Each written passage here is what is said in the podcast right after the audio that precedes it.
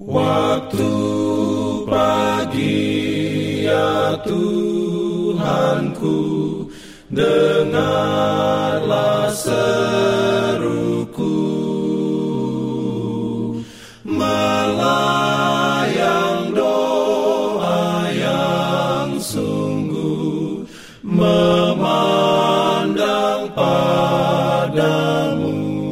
Selamat pagi pendengar Radio Advent Suara Pengharapan. Mari mendengarkan suara Tuhan melalui tulisan pena inspirasi Agama yang bersinar.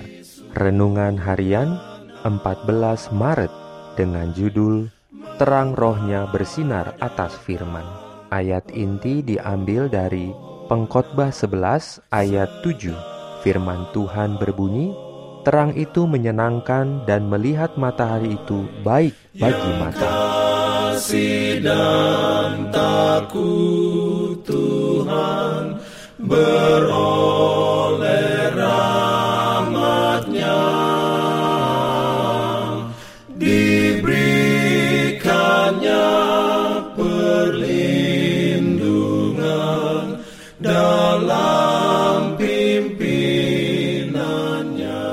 Urayanya sebagai berikut.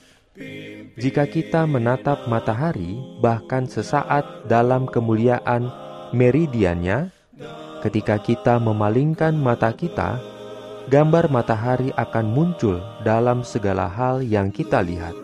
Demikianlah ketika kita melihat Yesus, segala sesuatu yang kita lihat mencerminkan gambarnya, matahari kebenaran.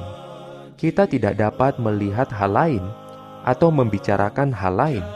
Gambarnya tercetak di mata jiwa dan mempengaruhi setiap bagian dari kehidupan kita sehari-hari, melembutkan dan menundukkan seluruh alam kita.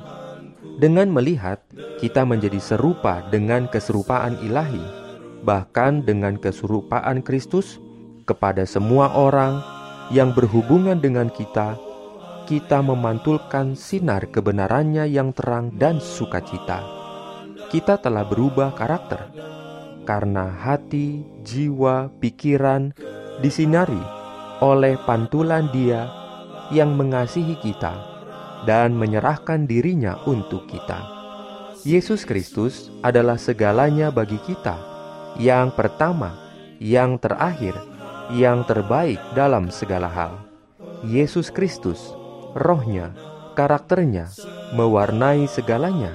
Itu adalah lungsin dan pakan, tekstur dari seluruh keberadaan kita. Perkataan Kristus adalah roh dan hidup maka kita tidak dapat memusatkan pikiran kita pada diri sendiri. Bukan lagi kita yang hidup, tetapi Kristus yang hidup di dalam kita, dan Dia adalah pengharapan akan kemuliaan. Diri sudah mati, tetapi Kristus adalah Juru Selamat yang hidup. Teruslah memandang kepada Yesus, maka kita akan mencerminkan gambarnya kepada semua orang di sekitar kita kita tidak dapat berhenti memikirkan kekecewaan kita atau bahkan membicarakannya, karena gambaran yang lebih menyenangkan menarik perhatian kita. Kasih Yesus yang berharga. Amin.